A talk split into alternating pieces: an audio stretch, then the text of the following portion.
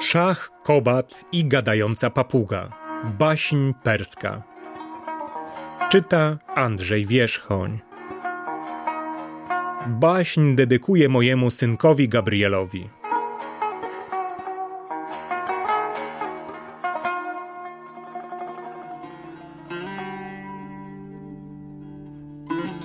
Pewnego razu wyruszył do lasu ptasznik na łowy. Wędrował cały ranek, lecz nie miał szczęścia. Ani jeden ptak nie wpadł w jego sidła. Strudzony i głodny wracał już do chaty, kiedy nagle ujrzał piękną, zieloną papugę siedzącą nisko na gałęzi. Prędko zarzucił na nią sieć i schwytał nieostrożnego ptaka. Pójdę na jarmark, pomyślał. Sprzedam papugę i nakupię sobie chleba i mięsa. Jak postanowił, tak też uczynił. Stanął na targowisku i głośno swoją papugę zachwalał, ale jakoś nikt się nie kwapił z kupnem, bo ptak wyglądał smutnie ze zmierzwionymi piórkami, zwieszonym łebkiem, ledwie żywy ze strachu, głodu i pragnienia.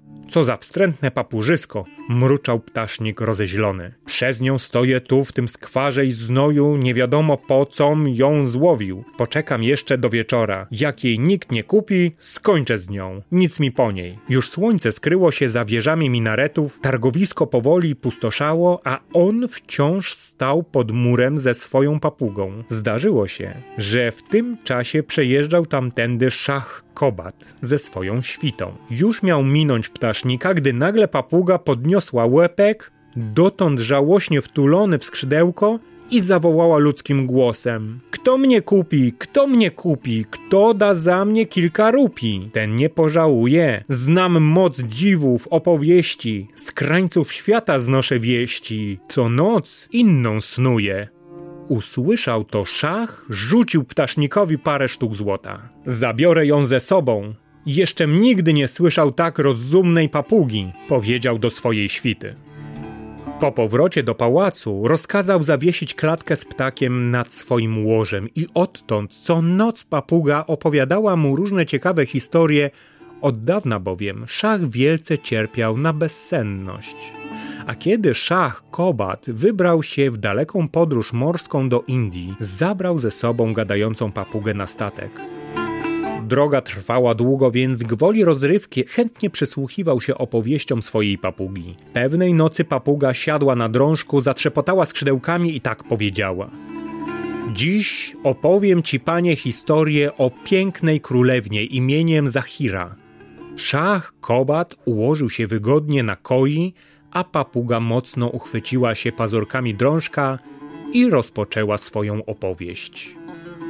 Dawno, dawno temu w dalekim kraju żył sobie król. Miał on trzy córki. Najstarsza zwała się Zahira.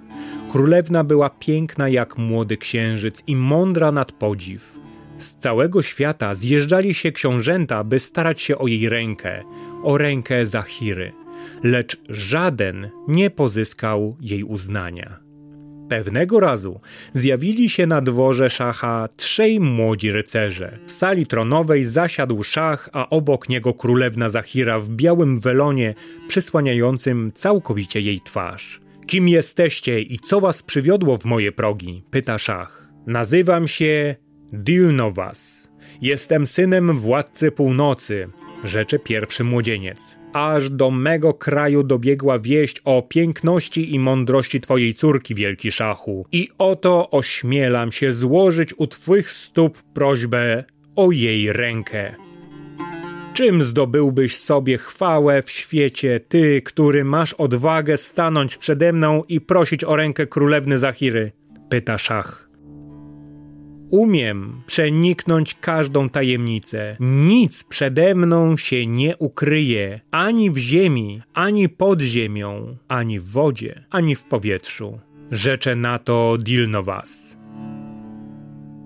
A ty, młodzieńcze, kim jesteś i jakie są twoje zasługi? Zwrócił się szach do drugiego rycerza. Zwę się Rachsaz. Moim ojcem jest władca południa. Zbudowałem tak lekki wóz, że moje orły unoszą go na skrzydłach w powietrzu. Zwyciężyłem przestrzeń.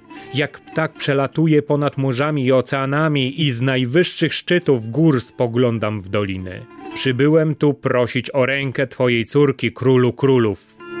Wtedy zwrócił się szach do trzeciego młodzieńca z pytaniem: A teraz ty opowiedz mi, rycerzu, jakie twe imię i czym się wyróżniasz spośród innych ludzi.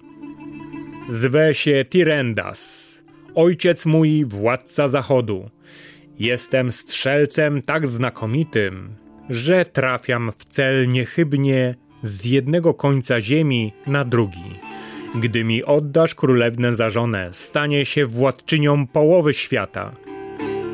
Szach pogładził brodę, chwilę milczał, mierząc trzech młodzieńców spojrzeniem, wreszcie ozwał się w te słowa. Umiejętności wasze zaiste są niezwykłe i miło mi będzie gościć was w swoim pałacu. Moja córka sama rozstrzygnie, którego z was wybierze sobie za męża. I szach, skinąwszy głową swym gościom, opuścił salę tronową. Zanim szła w milczeniu królewna, otulona kwefem kryjącym jej twarz i ramiona. Wtem papuga przerwała swoją opowieść, zatrzepotała niespokojnie skrzydełkami, chwilę nasłuchiwała w milczeniu, a potem rzekła do szacha. Muszę cię ostrzec, panie. Grozi ci wielkie niebezpieczeństwo. Właśnie przelatywały nad tym statkiem dzikie gęsi. Słyszałam, jak mówiły, że żal im tych ludzi, którzy płyną wprost na podwodne rafy. Wezwij co prędzej swojego kapitana, jeśli ci życie miłe, i każ mu sterować w lewo, wciąż w lewo, inaczej statek pójdzie na dno z rozdartym kilem. Zerwał się szach z posłania, woła kapitana. Skręć ster w lewo, a żywo! Śpiesz się póki czas, jeszcze chwila wpadniemy na podwodne rafy. Zbladł kapitan jak płótno i rzecze. Panie mój, twoja wola mi jest rozkazem, wszakże ośmielę się powiedzieć, że znam te wody od dziecka i żadnych raf tu nigdy nie było. Widać zbłądziłeś w ciemnościach i zmieniłeś kurs statku. Rób to, co ci każę. Zakrzyknął szach z gniewem. Nie dokończył jeszcze tych słów, gdy nagle rozległ się jakiś trzask i statek przechylił się na jeden bok. Zatrząsł się kapitan z lęku i wybiegł na pokład, krzycząc na majtków, by się rzucili do rej i żagli.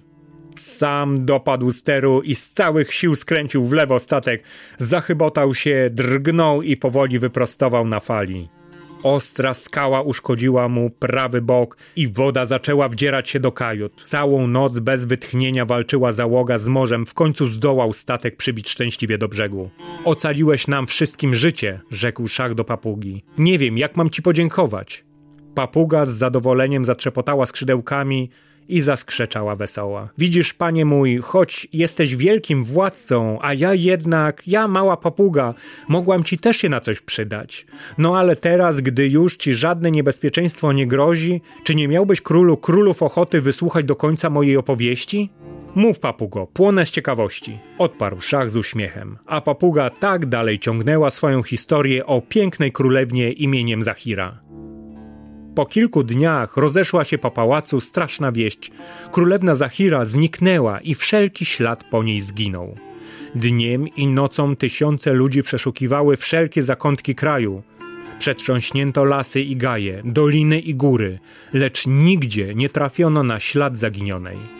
Wtedy szach przypomniał sobie trzech młodzieńców. Wezwał ich przed swoje oblicze i tak powiedział: Słyszeliście już, szlachetni rycerze, o nieszczęściu, które spadło na mnie. Moja córka królewna Zahira, światło moich oczu, przepadła bez wieści. Ten z was, kto ją odnajdzie, zaskarbi sobie moją dozgonną wdzięczność. Nie spoczniemy, wielki władco, snu nie zaznamy, póki twej córki nie przywieziemy do zamku. Jednym głosem zawołali Dilnovas, Rachsas i Tir Endas. Postanowili działać wspólnie. Dilnowas zamknął oczy, natężył myśl i przez długą chwilę wyglądał jakby zapadł w głęboki sen. Wreszcie otworzył powieki i rzekł Widzę piękną Zachirę we łzach i rozpaczy. Porwał ją zły def i ukrył daleko pośrodku oceanu na wyspie, która zwie się z tamtej strony ziemi. Wyspy strzegą potwory z płetwami u nóg i rąk. Mają paszcza ogromne, a ich zębiska ostre niczym szable. Zamek Dewa stoi na wysokiej górze z lodu, gładkiego jak szkło. Jeszcze nikt z ludzi nie dostał się tam żywy. Lecz ja się dostanę, zawołał Rachsas. Przywołam swe orły, wsiądę na wóz powietrzny i pofrunę na wyspę. I zginiesz rozszarpany przez Dewa. Umie on bowiem przybierać się na różne postaci, może przemieniać się w smoka skrzydlatego, wieloryba, lwa i tygrysa. Choćbyś wdział czapkę niewidkę i stał się niewidzialnym, on cię dostrzeże i wywęszy. Nie ma przed nim ucieczki. Przerwał mu Dilnowas. Mam plan. Jeśli się nań zgodzicie, królewna będzie ocalona. Zerwał się milczący dotąd Tirenas. Wsiądę na wóz powietrzny, wraz z Rachsazem orły uniosą nas na wyspę z tamtej strony ziemi. Wtedy ja swą strzałą niechybnie ugodzę Dewa. Potem obaj porwiemy królewnę i powrócimy na zamek. Stało się, jak powiedział Tirendas. I piękna Zahira, uratowana z pazurów złego Dewa, wróciła do pałacu Szacha.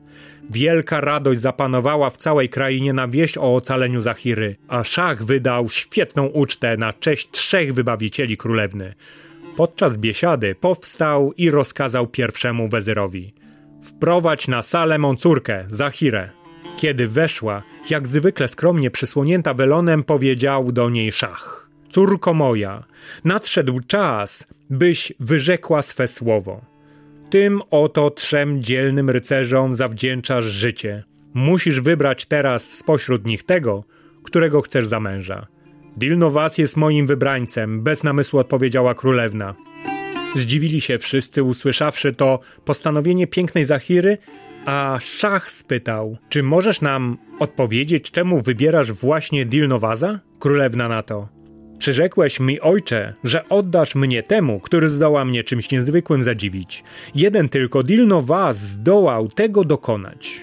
Gdyby nie jego umiejętność przenikania myślą tajemnic świata, nigdy by mnie nie odszukał Rachsas, mimo swego skrzydlatego wozu i mimo swej sztuki oswajania orłów. Ani też nigdy Tirendas nie mógłby ugodzić złego Dewa swą strzałą, co nigdy nie chybia. Tak więc Dilno Was największe ma zasługi, moim zdaniem. Jemu przede wszystkim winnam ocalenie i jego chcę poślubić. Wkrótce potem odbyły się zaślubiny młodej pary i odtąd Dilno Was żył szczęśliwie ze swą małżonką Zahirą, a Rach Sas i Tir Endas pojęli za żony dwie młodsze córki królewskie. Zakończyła papuga swoją opowieść. Czuję, że tej nocy będę miał dobre sny, rzecze szach Kobat. Tak trwało długo, długo. Wiele księżyców się odmieniło na niebie, wiele minęło dni i nocy, a papuga wciąż nowe historie opowiadała swojemu panu.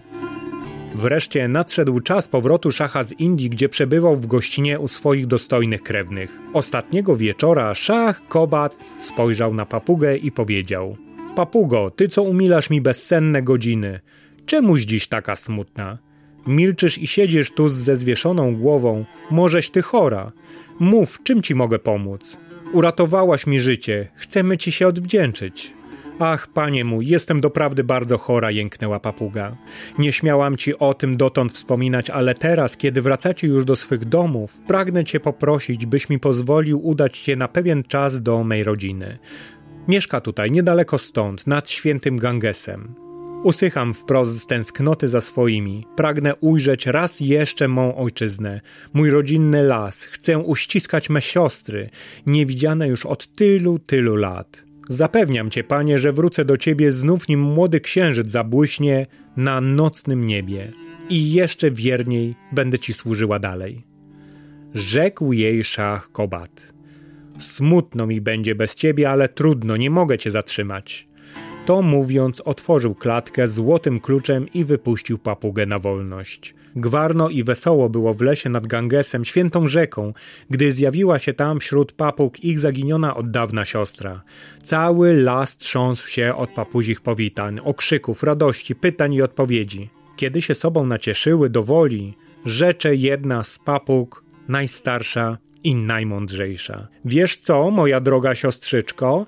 Myślę, Myślę i nadziwić się nie mogę, że znalazł się wśród ludzi człowiek tak szlachetny jak twój pan. Przecież gdyby nie jego wspaniałomyślność, nigdy byśmy się nie mogły ze sobą zobaczyć. O, mój pan jest wielki, mój pan jest dobry, mój pan jest mądry. Drugiego takiego nie ma na całym świecie, odrzekła papuga z dumą. Musisz mu się odwdzięczyć w jakiś sposób za jego zaufanie do ciebie, ciągnęła z powagą jej starsza siostra. Myślałam już o tym, ale nie wiem doprawdy, co by mu sprawiło przyjemność. Mój pan ma przecież wszystko, czego tylko zapragnie, czego tylko może pragnąć człowiek. Wierną małżonkę i piękne dzieci, władzę, skarby ogromne, wspaniałe pałace i wiernych poddanych. Jednej wszakże rzeczy nie posiada twój pan i te możesz mu podarować w podzięce. Oto masz owoc z drzewa życia, zanieś go szachowi, a gdy go pokosztuje, śmierć straci nad nim władzę i będzie żył wiecznie. Papuga podziękowała swojej siostrze, a kiedy nadszedł już dzień rozstania, pożegnała się z całą swoją liczną rodziną, z wszelkimi krewnymi, z bliższymi i dalszymi kuzynami, z przyjaciółmi, ze swoim domem i z lasem i uciekła na zachód, kierując się do kraju swojego pana. Długo szybowała nad lasem, długo szybowała nad górami, wreszcie znalazła się nad głębokim, szafirowym morzem. Wtem posłyszała w powietrzu klangor żurawi. Zawracajmy, zawracajmy na ląd, zawracajmy tutaj. Straszny huragan nadchodzi ze wschodu, krzyczały ptaki i skierowały swój lot ku brzegom widniejącym w oddali. Spojrzała papuga w dół na szafirowe fale i nagle dostrzegła tam rozpięte żagle flotylli szacha. Szybko, jak wicher, pomknęła w stronę statku swego pana i zadyszana przysiadła szachowi na ramieniu. To ty, papugo! Witaj mi, wierna przyjaciółko, ucieszył się szach Kobat. Skąd się tu wzięłaś? Wracałam właśnie do twojego kraju, mój panie. Tak jak ci przyrzekałam i lecąc nad falami spostrzegłam twoją flotyllę. Domyśliłam się, że pewnie jakieś sprawy wielkiej wagi zatrzymały cię w drodze powrotnej z Indii i czem prędzej sfrunęłam w dół. Tak było w istocie, rzekł szach. Dłużej niż zamierzałem przyszło mi pozostać w państwach ościennych i dopiero teraz mogłem ruszyć z powrotem do kraju. Kazałem rozwinąć wszystkie żagle, bo mi śpieszno do domu. O, panie mój, źle uczyniłeś, posłuchaj mej rady i każ prędzej zawrócić statką do brzegu. Straszny huragan naciąga ze wschodu. Jeśli nie schronisz się w bezpiecznej zatoce, może pochłonie całą twoją flotylę. Co mówisz, papugo, czyżby to była prawda? Przecież niebo jest tak pogodne, morze spokojne, fale szafirowe, spójrz! Czy pamiętasz, panie mój, że już raz posłuchałeś mojej rady i ocaliłeś życie? Więc i teraz uwierz moim słowom, a nie pożałujesz. Zasępił się szach, ale że ufał swojej papudze, więc i tym razem nie zlekceważył jej przestrogi. Wezwał kapitana i powiedział: Co rychlej zawracaj flotylę do brzegu i rzuć kotwicę w bezpiecznej przystani. Stało się wedle jego rozkazu. Ledwie statki przycumowały do brzegu, gdy się zerwała na morzu straszliwa wichura, jakiej najstarsi majtkowie nie pamiętali. Wszystkie statki i łodzie rybackie, które wyruszyły tego dnia na morze, nie powróciły więcej do portu. Pochłonęła je głębia na zawsze. Drugi raz ratujesz mi życie, papugo, rzecze szach do papugi. Jestem twoim dłużnikiem. A ja muszę ci wyznać, myślałem, że już do mnie nie powrócisz. I jeszczem nigdy nie złamała raz danego słowa, odparła papuga z godnością. A tobie, panie, za twe zaufanie do mnie i wspaniałomyślność składam w podzięce ten oto dar. Jest to owoc z drzewa życia. Gdy go skosztujesz, nie zaznasz śmierci i będziesz żył wiecznie. To mówiąc, papuga złożyła przed nim mały, różowawy owoc, podobny z kształtu do rajskiego jabłuszka. Dzięki ci, papugo, za twój dar, ale nie skosztuję owocu wiecznego życia, rzecze na to szach Kobat. Dlaczego, panie? zdziwiła się papuga. Nikt z żyjących nie odtrąciłby takiego daru. Czy znasz historię o mędrcu Jeżu? pyta szach. Ja, która znam wszystkie opowieści świata tej, nigdy dotąd nie słyszałam. A zatem słuchaj, rzecze szach Kobat. Dawnymi czasy żył pewien sułtan, który posiadł wielką mądrość i znał nawet mowę zwierząt czworonożnych, gadów i ptaków. Razu pewnego zjawił się przed nim jakiś stary pustelnik. Postawił przed nim glinianą czarkę z wodą i rzecze. Oto woda życia, pij z niej jeśli chcesz, a będziesz żył wiecznie. Po tych słowach zniknął. Sułtan zwołał wszystkich doradców i mędrców z całego kraju, a ci jak jeden mąż zawołali: Pij, władco nasz, nie masz na świecie nic cenniejszego nad życie, a nic gorszego nad śmierć. Już miał sułtan wychylić czarkę, gdy nagle usłyszał, jak mała myszka ukryta gdzieś w norce pod tronem królewskim ludzkim głosem powiedziała: Wstrzymaj się, wstrzymaj się, miłościwe panie, posłuchaj rady jeża zwanego Marpuszta. Sułtan zawahał się, a potem wezwał do siebie starego jeża o imieniu Marpuszta i pyta: A co ty mi radzisz, Marpuszto? Mamże pić z tej czarki wodę wiecznego życia, czy nie pić? Długo dumał w milczeniu sędziwy Marpuszta, wreszcie odpowiedział pytaniem: A czy starczy tego napoju dla twoich bliskich, krewnych, przyjaciół, wiernych sługów, doradców? Czy zdołasz nim obdarzyć tych wszystkich, którzy żyją przy tobie, trudzą się dla ciebie, radują i smucą wraz z tobą? Wody jest zaledwie kilka kropel na dnie, rzecze sułtan. Starczy jej tylko dla mnie jednego. Wtedy nie pij jej, panie, oto moja rada, powiedział Marpuszta. Cóż ci po życiu wiecznym, kiedy będziesz samotny w swym pałacu, o twoich przyjaciołach wszelka pamięć zginie i żadna bliska ci i droga istota nie będzie dzielić z tobą żadnych dni. Marpuszto, dziękuję ci za radę, rzecze sułtan, i jednym ruchem ręki strącił na ziemię czarkę z wodą wiecznego życia. Taki ja uczynię, miła moja przyjaciółko, i nie pokosztuję twojego owocu, zakończył Szach Kobat swoją opowieść. Szlachetny władco, sama mądrość przemawia przez ciebie, ale nie odrzucaj mego daru precz. Gdy wrócisz do swojego pałacu, zasiej pestki owoców w ogrodzie, a gdy z nich wyrośnie nowe drzewo, jego owoce nie będą już miały mocy darzenia wiecznym życiem, ale za to każdy, kto je pokosztuje, odzyska utraconą młodość. Szachowi podobała się rada papugi.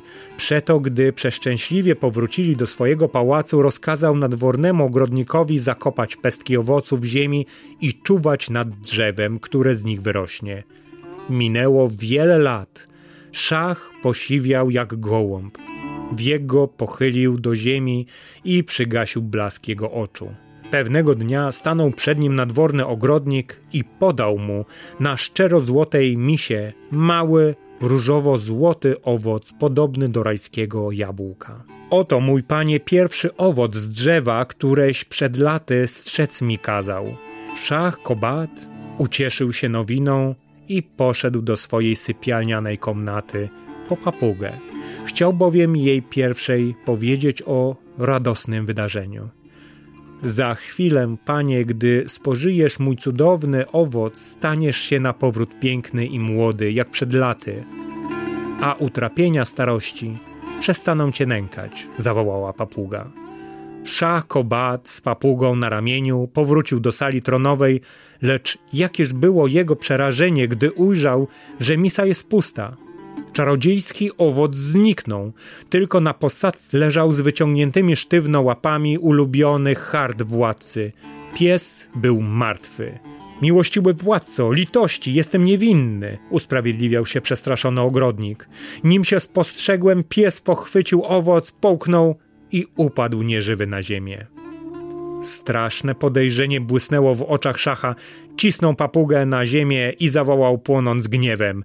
Więc to tak wygląda twoja wierność? Więc taki to dar mi gotowałeś? Podstępna trucicielko? Precz z moich oczu!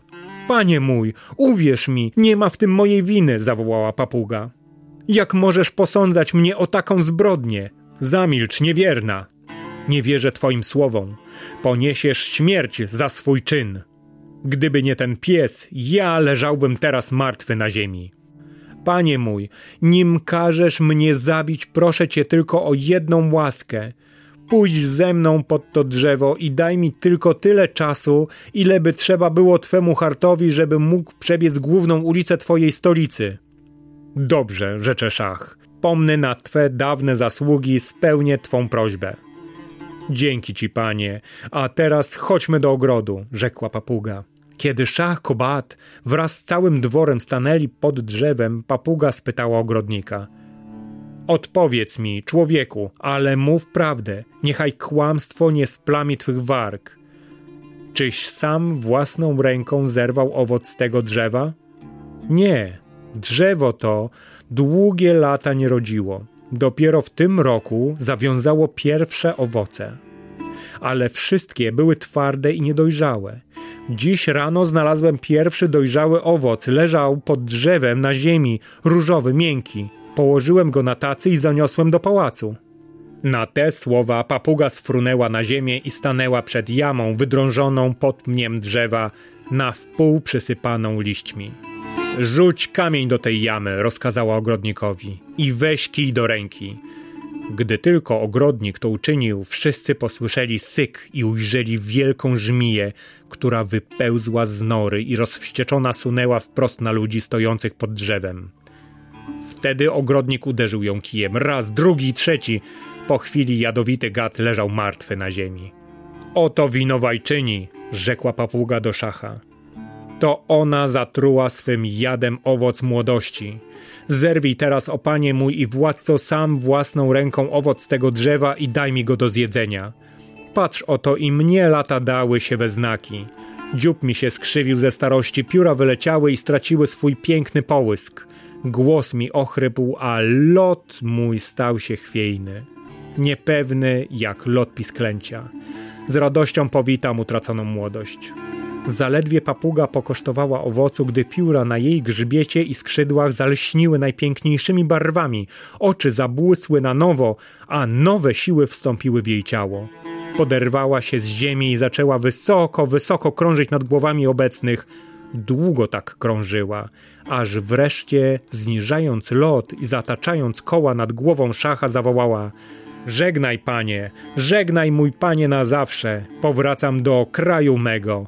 Nie, nie mogłabym już zostać u ciebie, gdyś raz posądził mnie o zbrodnicze zamiary, mógłbyś to uczynić i później. Podejrzliwość jest złym bowiem doradcą.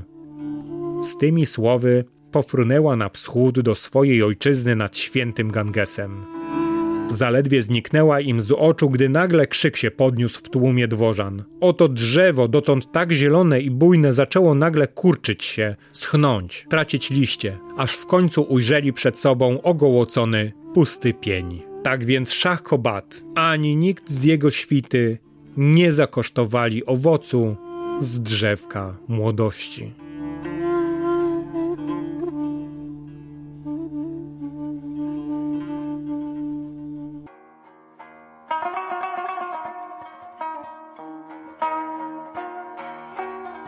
Szach, Kobat i gadająca papuga.